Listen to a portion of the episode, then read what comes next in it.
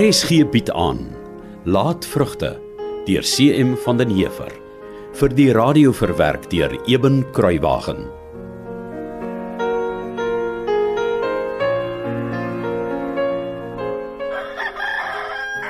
Ai, Johanna kind, as ek maar weer sien dan sit jy vir die pad en kyk.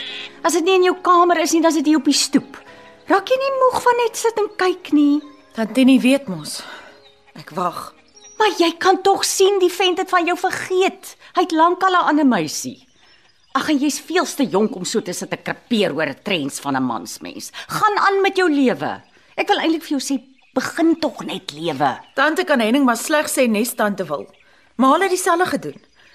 Maar as 'n mens iets so baie hoor, dan raak jy skerp van die seermaak naderhand al hoe stomper. Nou maak dit vir my glad nie meer saak wat enigiemand van hom sê nie. Ek wag. Maar dit is tog so mors van tyd, Johanna. Is dit tante? Ek weet ek het nog niks van hom gehoor nie, maar hoe moet hy ook weet waar ek is? Al wat ek nou nog kan doen is om te wag.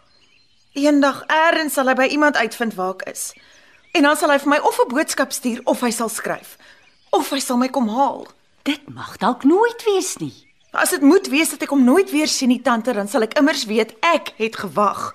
Ek het alles gedoen wat ek kon, Maar om wat te bereik? sodat ek nie eendag hoef te sê ek wens ek het maar liewer gewag nie. En as jy enige hom moet vasloop ergens en hy het 'n vrou en 'n string kinders aan sy sy, wat sal jy dan vir jouself sê? Plaas ek liewer maar nie gewag het. Nee, tante, dit sal ek nooit sê nie. Hoe kan jy so seker wees? Hoekom het tante met hom heer getrou? Bam. Hy het my gevra. Toe sê ek ja. Hoekom vra jy? En as iemand anders tante gevra het om te trou toe tante jonk was, Maar niemand anders het nie. was oom Jurg die enigste man in die hele wêreld met wie tante sou wou trou.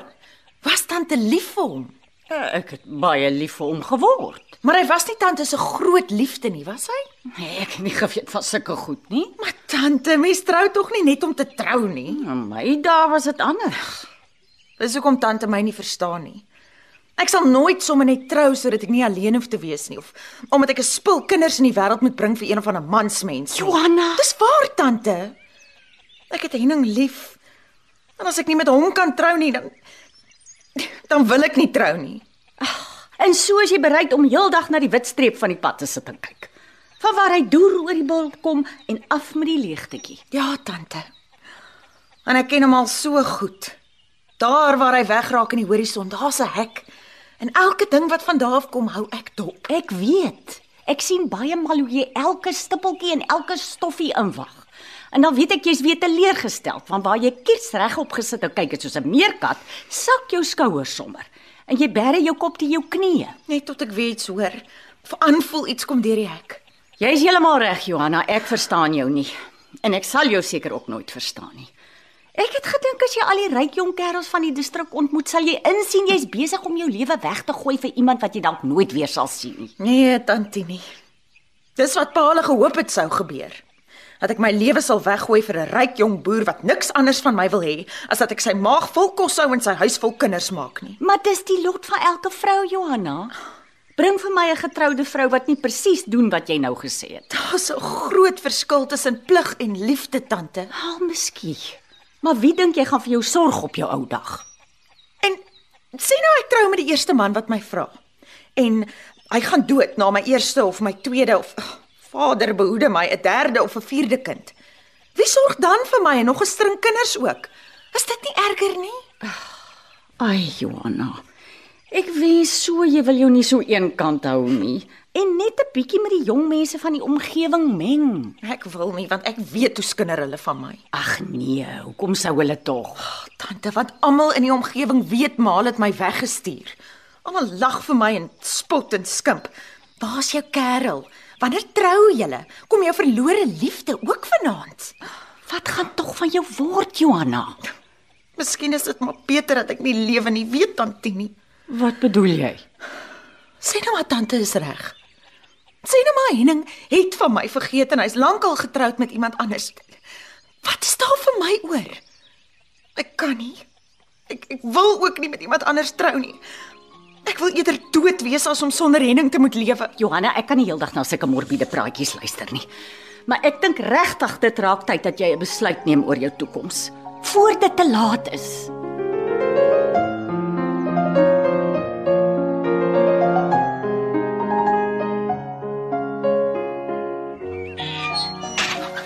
En nou toe nie. As daardie voorkop so frons, dan weet ek sommer daar's fout. Ag, dis daai kind van Jaap hulle. Johanna, wat nou weer? Jeug, dis my eie broer se kind. Ek het gemeen sy is immers goed opgevoed en kom uit 'n Christelike huis. Dit sal 'n plesier wees om haar hier by ons te hê, maar die vader weet. Wat? Dis elke dag dieselfde ou gesaanik. Elke dag die sit in die pad dophou asof daar niks anders in die lewe is om te doen nie. Ek kry haar nie eers om 'n bietjie doenig te raak in en om die huis nie. Sy raak nou vir my 'n oorlas, Jeug. 'n Groot oorlas sê ek jou. Nou wat dink jy moet ons doen? Ek meen dis gehele al laf en onverstaanbaar dat 'n jong meisie soos sy haar lewe kan verkwis met bog. Hier's ryk, ryk kerels in die omgewing wat maar te graag by haar wil kuier want sy is 'n mooi meisiekind. Dis verseker so. Ja nee, sy is 'n vrye kind. Maar om jou so te sit te verknies is net 'n bogtery en niks anders nie. Sy kan tog met die kerels opsit, maar sy stel nie eers daarin belang nie. Wie op haar ouderdom wil nie Vrydag aande 'n bietjie vry nie. Ek kan dit net nie klein kry nie. Dis nou nog al die tyd oor die ou kereltjie oor wie sy so treur. Ja, en vir hom sal sy ook nooit weer hoor nie. Na al die tyd is dit vir almal behalwe vir Johanna so duidelik soos daglig. Nou wat stel jy voor, Tini? Dit is aan jou en my gesê, Jurg. Ek dink die hele gedoente met die vent en die kind so oorhoops. Sy's kapabel en slaan haar hand aan haar eie lewe. Tini, is jy seker? Is dit regtig so erg? Wel, sy het dit vir my in omtrent soveel woorde gesê ook. Genade vroue, nou. Kyk, ek voel baie sterk hieroor. Jaap het die kind by ons kom afgooi en gehoop sy sal met die tyd van die ventjie vergeet, maar sy het nie. Nee, ek dink sy het net nog erger geword. Juistament. Nou sy mag Jaap en Mita se kind wees, maar sy is 'n ons sorg. Nee, dit is so. En ek wil nie met die verwyd loop dat die kind in my sorg 'n dom ding gaan staan na aanvang. Het nie jy verstaan? Ja nee, o vaderland. So ek dink ons moet haar so spoedig moontlik terug by Japele kry.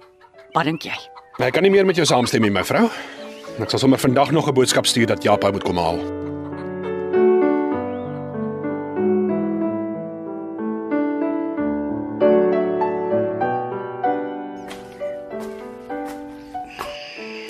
Ja, is alles reg. Jy lyk bekommerd. Is al fout. Ja, ek weet nie.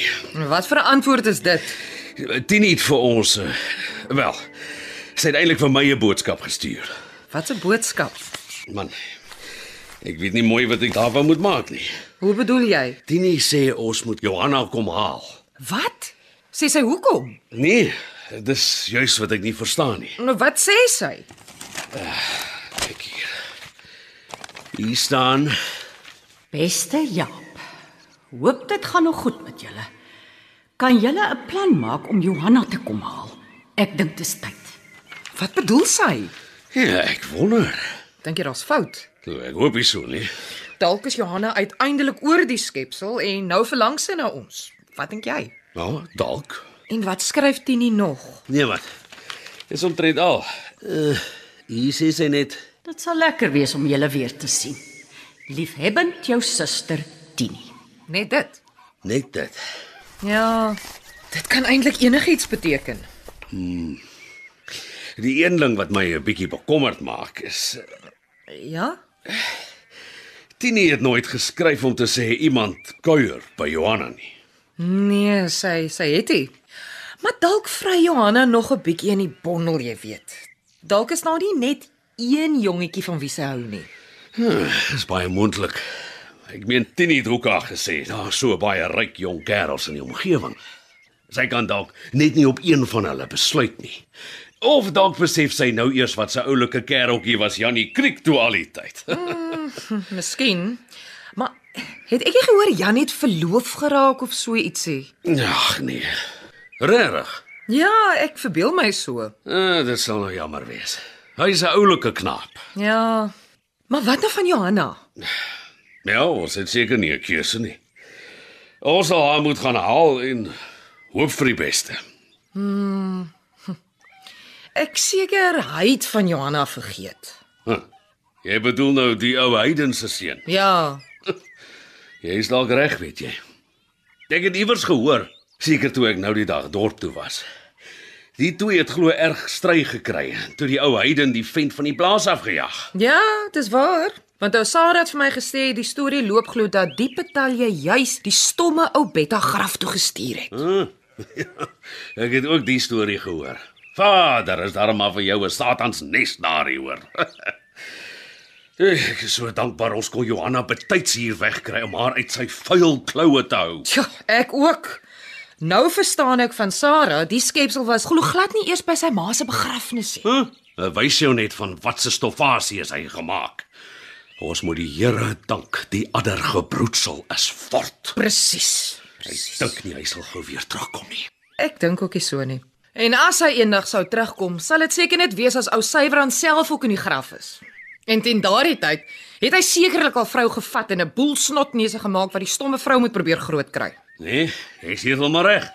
Henning van Vieren is vir goed weg en in die vergetelheid ingedompel. Ons kind is op laas veilig. Ja, dank die Here. Dan kan Johanna mos maar met veiligheid terugkom huis toe. Daar's ons niks meer om ons oor te kwel nie. Justament. Wat die rede ook al mag wees vir Tini se boodskap, dit maak glad nie saak nie. Ons kan ons verlore kind maar met geruste harte gaan haal. Ja. Wanneer dink jy moet ons gaan, Mita? Jap. Ek dink nie ek moet saamry nie. Ja, hoekom nie? Ek het maar net gedink die kind is so teen haar sin nie weg en sy het jou die meeste skuld gegee vir ons besluit. Ja, ja, sy het nogal, nee. né? Ja, so Miskien is dit 'n goeie tyd vir jou en Johanna om mekaar weer te vind op pad terug huis toe. Altemat is jy reg, Mita. Ek dink jy moet laat weet jy kom so gou as wat jy kan. Huh. Saterdag dalk. Ja, laat weet Tini, jy kom Saterdag of Johanna haal.